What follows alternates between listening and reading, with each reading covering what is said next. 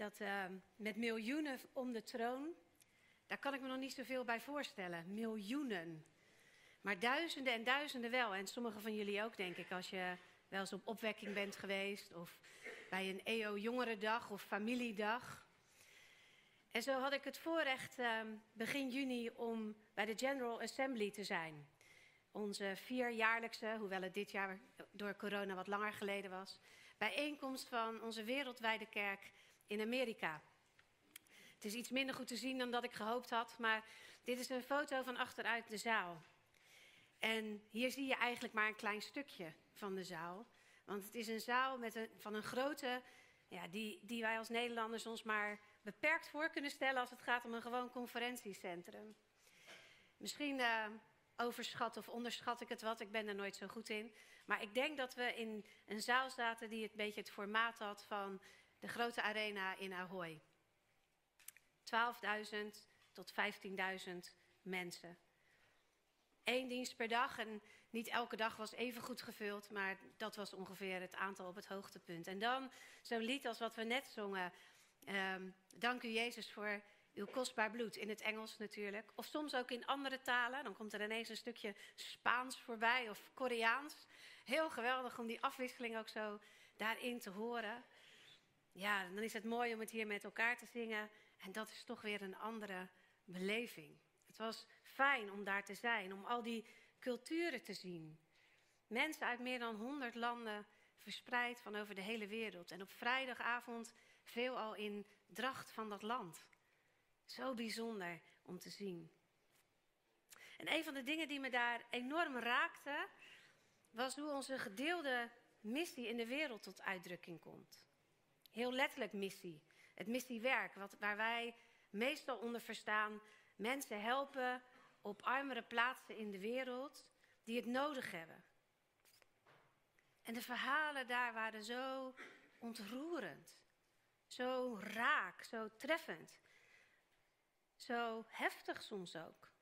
Over vervolging, over marteling, over onderdrukking, over echt gered worden door mensen van de kerk. Over een stap verder gaan dan wat logisch lijkt.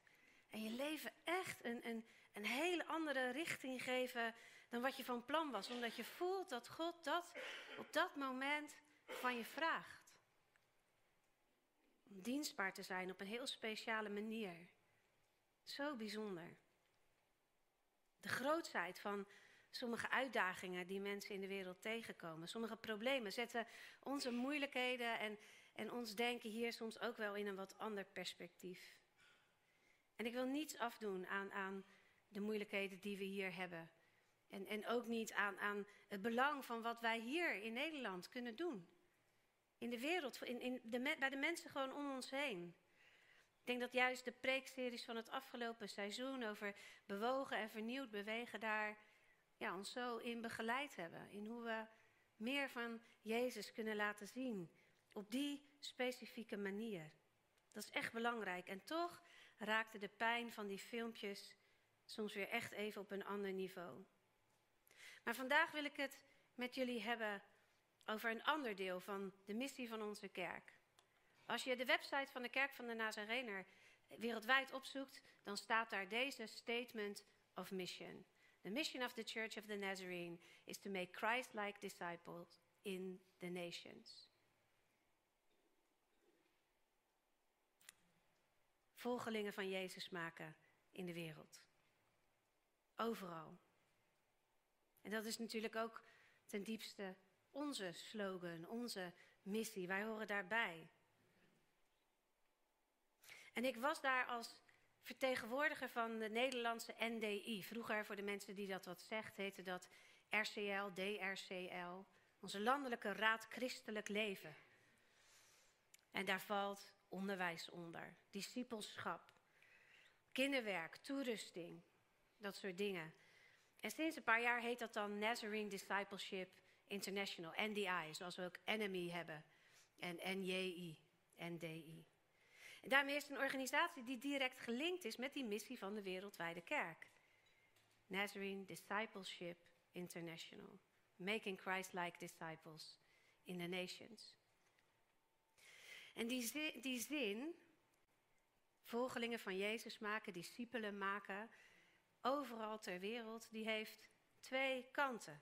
Het gaat ten eerste om een verandering van die volgelingen van Jezus. Dat die Christ-like, Christus gelijkvormig worden. Steeds meer op Hem gaan lijken, steeds meer een leven van liefde gaan leven.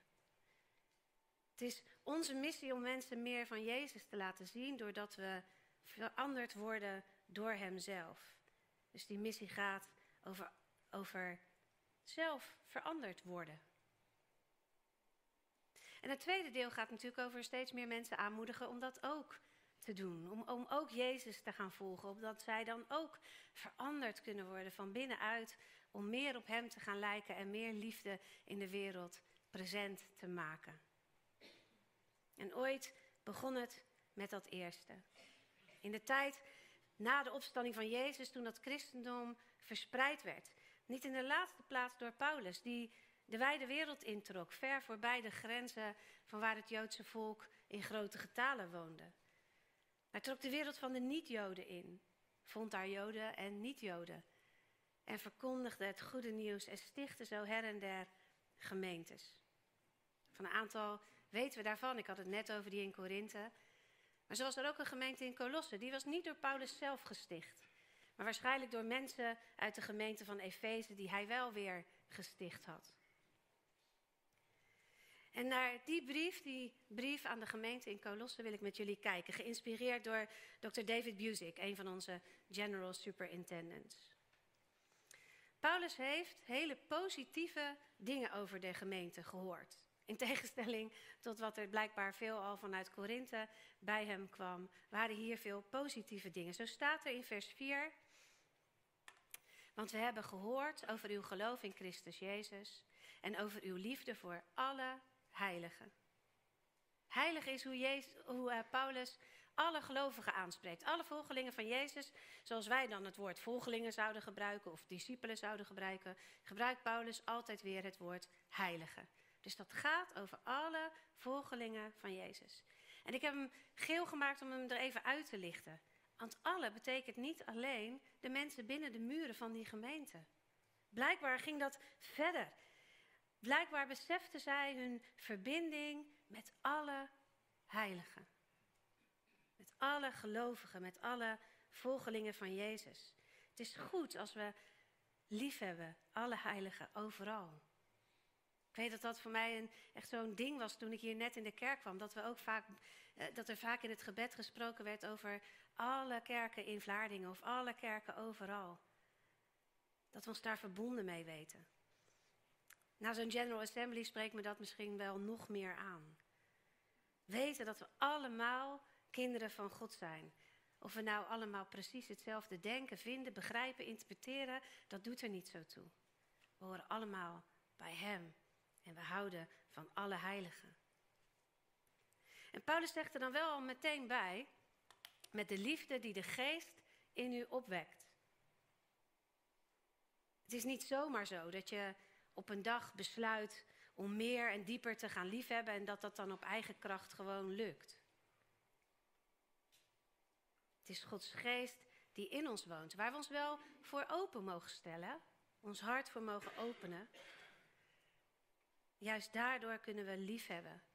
Op een manier die onze oude mens lang niet altijd gelukt zou zijn. Dat is een belangrijk punt en Paulus noemt het niet voor niets. Als je dan de brief verder leest, dat mag je gerust uh, vanmiddag nog eens doen als je, ik wou zeggen in het zonnetje zit, maar ik, heb weet eigenlijk niet of er een zonnetje is. Het mag ook buiten het zonnetje. Maakt niet uit. Maar als je hem verder leest, dan kom je allerlei waarschuwingen tegen. Blijkbaar heeft Paulus ook gehoord dat er mensen zijn in de omgeving van Colosse die proberen om de volgelingen van Jezus op een dwaalspoor te brengen.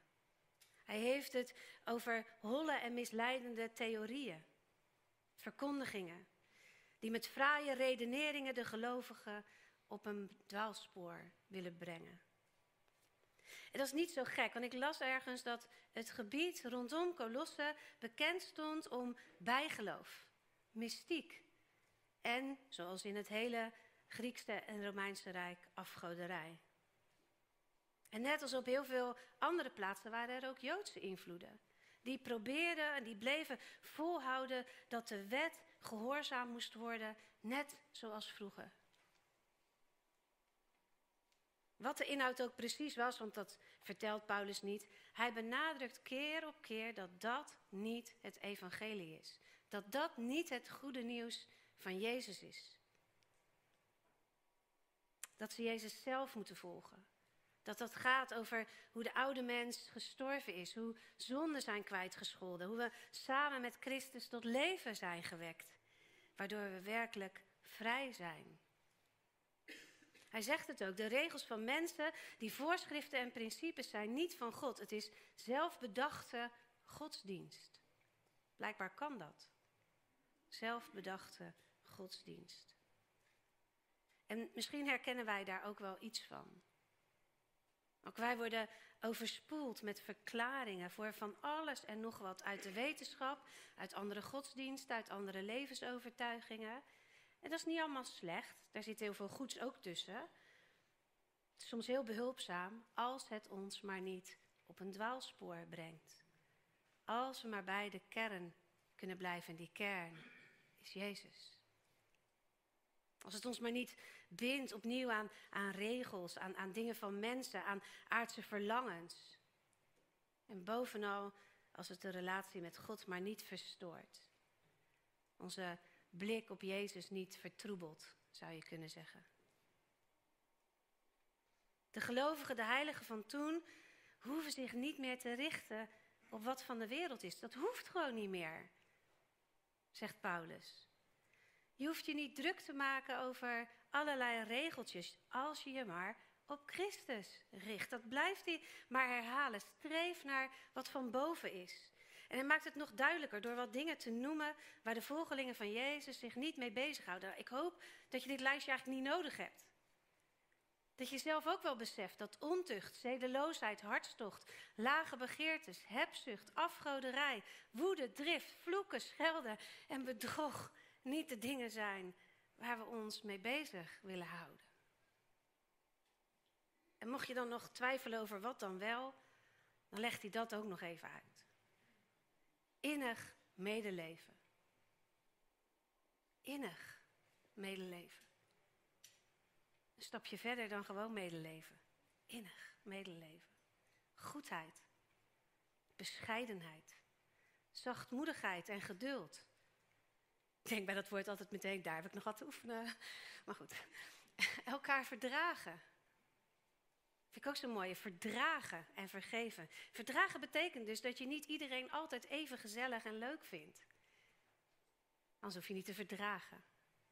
Verduren staat er soms ook wel eens. Gebruikt, hij ook, gebruikt Paulus ook wel eens in zijn brieven. Je het verduren een ander. Dus dat kost je wel wat.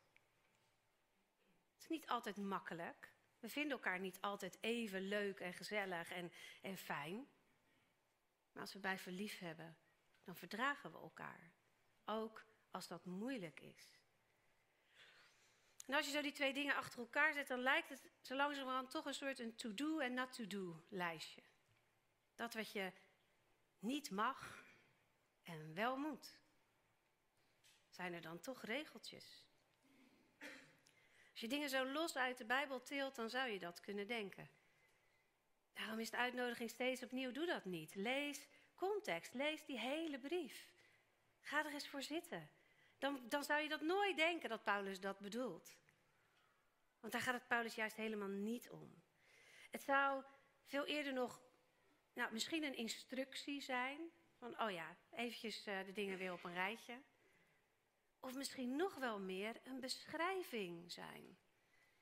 Een beschrijving van hoe een leven van liefde, in het bijzonder in een gezonde gemeente, eruit ziet. Dat dit is wat je dan niet doet en wel doet. Die negatieve dingen, die, die wil je dan toch gewoon niet meer. Als je Jezus volgt. En wat het soms in die, in die brieven van Paulus lijkt alsof een gelovige dat door zijn doop dan meteen allemaal niet meer doet. Nou, ik denk dat we maar om ons heen hoeven kijken om te weten dat dat niet zo werkt. dat dat heel vaak niet lukt. En dat het een proces is. En dat erkent Paulus ook. In vers 5 zegt hij dat die aardse dingen in ons moeten afsterven. Niet dood zijn, afsterven. Dat is een proces.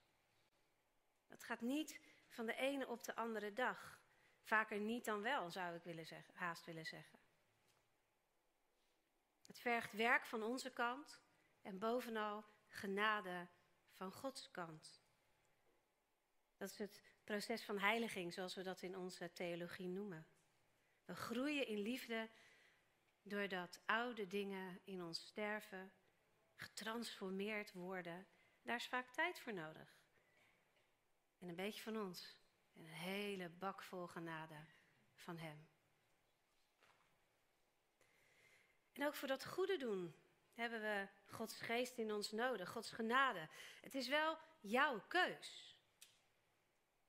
Het blijft jouw keuze of je Hem daarin wilt volgen. Of je kiest voor de liefde in moeilijke situaties. Als er al een to-do-lijstje zou zijn voor een volgeling van Jezus, dan is dat het overkoepelende zinnetje wat erboven zou staan. Doe wat je doet, zeg wat je zegt, uit liefde door Gods geest. Paulus eindigt wederom met een soort instructie, een aanmoediging van hoe Christus te volgen, te laten zien, te leven in een gemeente. Er staat en bovenal, kleed u in de liefde. Dat is de band die u tot een volmaakte eenheid maakt. En Paulus weet heel goed dat we dan niet meteen allemaal hetzelfde zijn. Maar door ons te kleden in liefde verdragen we elkaar. Laat in uw hart de vrede van Christus heersen, want daartoe bent u geroepen als de leden van één lichaam. Wees ook dankbaar. Laat Christus woorden in al hun rijkdom in u wonen. Onderricht en vermaan elkaar in alle wijsheid. Zing met heel uw hart psalmen en hymnen voor God en liederen die de geest u vol genade ingeeft. Doe alles wat u zegt of doet in de naam van de Heer Jezus, terwijl u God de Vader dankt door Hem. Nou, ik vind het echt een to-do-lijstje. Maar dan in positieve zin. Dat het, en veel hiervan doen we natuurlijk. In meer of in mindere mate. We doen het ook al heel goed. Dit, is, dit mag ons aansporen. Dit mag ons inspireren in ons gemeente zijn. Bemoedig ook voor dat wat we al zo van harte met elkaar doen. En wat me nu zo enorm opviel toen ik deze brief pas weer eens helemaal las, is dat het overgrote deel van de brief hierover gaat. Over het leven binnen de gemeente. Dat we daar dus allerlei aanmoedigingen en bemoedigingen in kunnen vinden. Het grijpt ook terug op dat eerste deel van onze missiestatement, van onze roeping zou ik willen zeggen. Christus gelijkvormige volgelingen maken onder de gelovigen. Dus toerusten, zorgen dat wij met elkaar kunnen groeien. En dit is de plek waar dat begint. Of al lang onderweg is en toch iedere keer opnieuw begint. Dit is de plek, de, de groep mensen, de, de familie zou ik willen zeggen, waar we deze dingen leren, waar we oefenen en groeien. Dit is een oefenplaats. Een oefenplaats. Althans, dat is wat het echt zou moeten mogen zijn. En we doen daarin al heel veel goede dingen. En ik denk dat we als individuen en als gemeente daarin nog veel meer kunnen groeien. Alleen al door het bewuster zo te zien. Door te beseffen dat dit de plek is om het te oefenen. Een plek waar je een stap verder kunt gaan dan de wereld zou verwachten. Waar er meer is van dit alles. Meer vergeving. Meer liefde. Meer geduld. Meer ruimte en acceptatie. Meer hulp en steun en bemoediging. Meer van Jezus. Dit is de plek waar als het dieper, het dieper liefhebben je nog niet helemaal lukt, er vergeving is. Dit mag de plek zijn waar je aangemoedigd wordt om niet op te geven als je oude patronen het toch lijken te winnen. Dit is de plek waar je je gesteund mag voelen. En geholpen en gedragen als het moeilijk is in je leven. Dit is de plek waar je gedragen wordt als het echt even niet meer gaat. Dat is misschien wel een van de allerbelangrijkste doelen van gemeente zijn. Dat we een stap verder gaan dan wat, de wereld, dan wat we in de wereld verwachten. Of wat de wereld van ons verwacht. En hier hebben we dat te oefenen. Aan het eind van de brief, vlak voor de groet, moedigt Paulus ons aan om te blijven bidden en, en waakzaam en dankbaar te blijven. Ook voor de eigen gemeente. Dankbaar voor, voor wat er hier goed gaat en dat we ons kunnen uitstrekken, ons verlangen bij God kunnen brengen naar meer van dit. Onder ons. Meer liefde, meer Jezus. Dus dat is ook mijn eerste aanmoediging voor jullie deze week. Misschien bid je al vaker voor de gemeente, misschien ook niet. Maar laat het deze week een aandachtspunt in je gebed zijn. Dat we ons nog veel meer als oefenplaats mogen ontwikkelen. Waar je dus ook mag falen. Dat er dan echt vergeving is. Ik hoorde vanochtend een column van Peter Heerschop waarin het zo weer ging over hoe, hoe spannend het geworden is om te falen. Ook voor onze jonge mensen.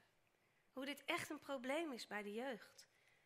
Dat ze aan de ene kant horen, natuurlijk mag je falen. Faalangst hoef je niet te hebben, je mag falen. Maar als we het doen, wordt het zo snel afgestraft. Door de onvoldoende op school, waar zoveel van afhangt.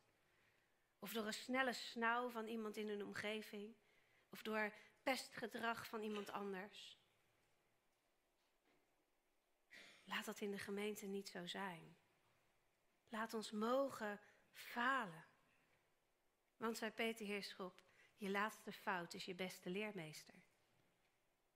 Dat we dat mogen ervaren. Dus laat dat ons gebed zijn, dat we een veilige oefenplaats mogen zijn. In liefhebben. Dat die woorden van Paulus niet alleen aan een gemeente van toen zijn, maar echt mogen klinken hier vandaag. En daar eindigt het niet. Ik zei al in deze brief, die heel veel gaat over gemeente zijn binnen de gemeente, eindigt Paulus daar niet. Misschien zegt hij het maar heel kort, maar daarmee niet minder belangrijk. Dat wat we hier binnen oefenen, doen we met het doel om het naar buiten te brengen. Hij besluit hiermee Bid dan ook voor ons. Het gaat over Paulus en degene met wie hij op dit moment opgesloten zit. Dat God de deuren voor ons opent. Om zijn boodschap te verkondigen, het geheim van Christus waarvoor ik gevangen zit. En bid dat ik het mag onthullen zoals het mijn plicht is. En dan, gedraag u wijs tegenover buitenstaanders en benut het juiste moment. Laat wat u zegt altijd aantrekkelijk zijn, sprankelend en weet hoe u op iedereen moet reageren. Het reageren is ook al belangrijk. Dat betekent dat je niet per se altijd hoeft te beginnen met het gesprek over het goede nieuws. Maar dat je mag zoeken naar de aanknopingspunten. En dan mag reageren met wijsheid. Hij moedigt ons aan om, om dat goede nieuws te, te delen met buitenstaanders, maar met wijsheid. En hij maakt het ons niet gemakkelijk, want naast die wijsheid moet het ook nog aantrekkelijk en sprankelend zijn en aansluiten bij die ander. Dat is wel een uitdaging. Maar het woord aantrekkelijk hier staat in heel veel Bijbelvertalingen verschillend. Het wordt niet altijd vertaald met aantrekkelijk. Het komt van het Griekse woord met gratie, met genade. En als je dat woord bestudeert, dan gaat het over het brengen van blijdschap. Het overbrengen van genadig zijn tegenover de ander. Met een houding van de ander het beste gunnen. Samengevat, met liefde. Met liefde. Het werkelijk in verbinding en aanwezig zijn bij de ander met liefde. Dat mogen we hier in de gemeente oefenen en naar buiten toe in actie zetten. Uitstralen. Aantrekkelijk zijn. Sprankelend. Dennis zei pas, hier of ergens anders, dat weet ik niet meer, dat het aan ons is om, om, om zoveel liefde te tonen, zo ongelooflijk veel liefde aan anderen, dat de anderen er bijna gek van worden. Dat ze het niet meer kunnen hebben, dat ze het gewoon niet kunnen geloven, dat het niet meer reëel is, omdat het zo anders is dan wat de wereld doet. Dat is precies wat Jezus deed. Hij hield zoveel van mensen dat sommigen er gek van werden. Het niet konden geloven. Maar anderen, die zich lieten raken door die liefde, werden nieuwsgierig en gingen hem volgen. Dus de laatste vraag waar ik je vandaag over na wil laten denken is hoe jij deze week kunt oefenen om meer lief te hebben dan dat je oude mens zomaar zou kunnen. Dus hoe kun jij een stapje verder gaan dan de wereld verwacht? Misschien iets vergeven wat je vroeger niet zomaar zou kunnen vergeven. En misschien nu nog niet, maar wel met zijn hulp. Door voor te bidden misschien. Geduldiger zijn met iets of iemand. Kun je misschien nog niet zo gemakkelijk, maar vraag zijn hulp. Vraag Gods geest, Gods geest in jou. Iets of iemand loslaten of juist contact zoeken. Daar waar je dat niet altijd zo gemakkelijk vindt. Een ander helpen waar je oude mens eigenlijk het liefst aan voorbij zou zijn gegaan. Of terwijl je eigenlijk andere plannen had. Waar kan de liefde in jouw leven nog groeien? Waar kun jij delen in zijn overwinning op dat wat geen liefde is? Niet omdat het moet. Geen to-do-lijstje. Omdat we verlangen naar meer Jezus in de wereld. Tot slot een prachtig voorbeeld hiervan, wat ik hoorde van Dr. Busick. We horen hier natuurlijk wel vaker over schietpartijen, in, veelal in Amerika, op scholen en zo. Vreselijke verhalen. En een ervan was in 2006 in het gebied van de Amish. Ik weet niet of jullie wel eens van de Amish uh, gemeente, uh, ja, gemeente is niet helemaal het goede woord, maar de groep Amish mensen in Amerika gehoord hebben. Dat is een bijzondere groep christenen die heel afgeschermd van de moderne wereld samenleven. Zonder moderne middelen. En daar kunnen we heel veel raar aan vinden, dat mag. Maar ze staan ook echt bekend om hun liefde, hun zorgzaamheid en hun vergevingsgezindheid. Op een school schoot een man tien meisjes neer en daarna zichzelf. De jongens had hij naar buiten gestuurd. We weten niet waarom. Vijf Amish meisjes stierven en vijf raakten zwaar gewond met flinke geestelijke en soms ook lichamelijke gevolgen. Het was verschrikkelijk. Binnen enkele uren na de schietpartij kondigde de Amish aan dat ze de schutter vergeven hadden. En ja, ook in latere interviews kun je lezen dat dat niet gemakkelijk was. Dat dat niet een moment was waarin je dat zomaar even deed. Eén keer en dan was je er vanaf, nou is vergeven. Nee. Vergeven was een proces, steeds opnieuw in verbinding met Gods geest. Daar waar onze menselijke emoties van verdriet en woede, wraak en vergelding eisen. Maar het werd nog bijzonderder. Een week na de schietpartij op de begrafenis van de schutter zat het in de kerk vol met mensen uit de Amish-gemeente. 75% van de mensen in die kerk kwamen daar vandaan. En in de week ertussen hadden ze eten gebracht naar de vrouw van de schutter die met twee kleine kinderen achterbleef. Geld dat ingezameld werd in de maanden en jaren daarna. Daar werd een studiebeurs van gecreëerd voor die twee kinderen van die schutter. En er is nog altijd contact tussen zijn gezin, zijn ouders en de Amish-gemeenschap. Dat is een stap verder gaan, of niet? Dat is liefde laten zien op een manier die het gevoel en denken van de wereld te boven gaat. Althans, mijn menselijk denken en gevoel wel. Maar het raakt me diep. En het roept in mij het verlangen wakker om zo Jezus te laten zien in de wereld. Want dat zou een revolutie veroorzaken. Als we dat met z'n allen zouden doen. Alle heiligen, overal, met meer liefde, meer Jezus. Een stap verder. Stappen jullie mee? Amen.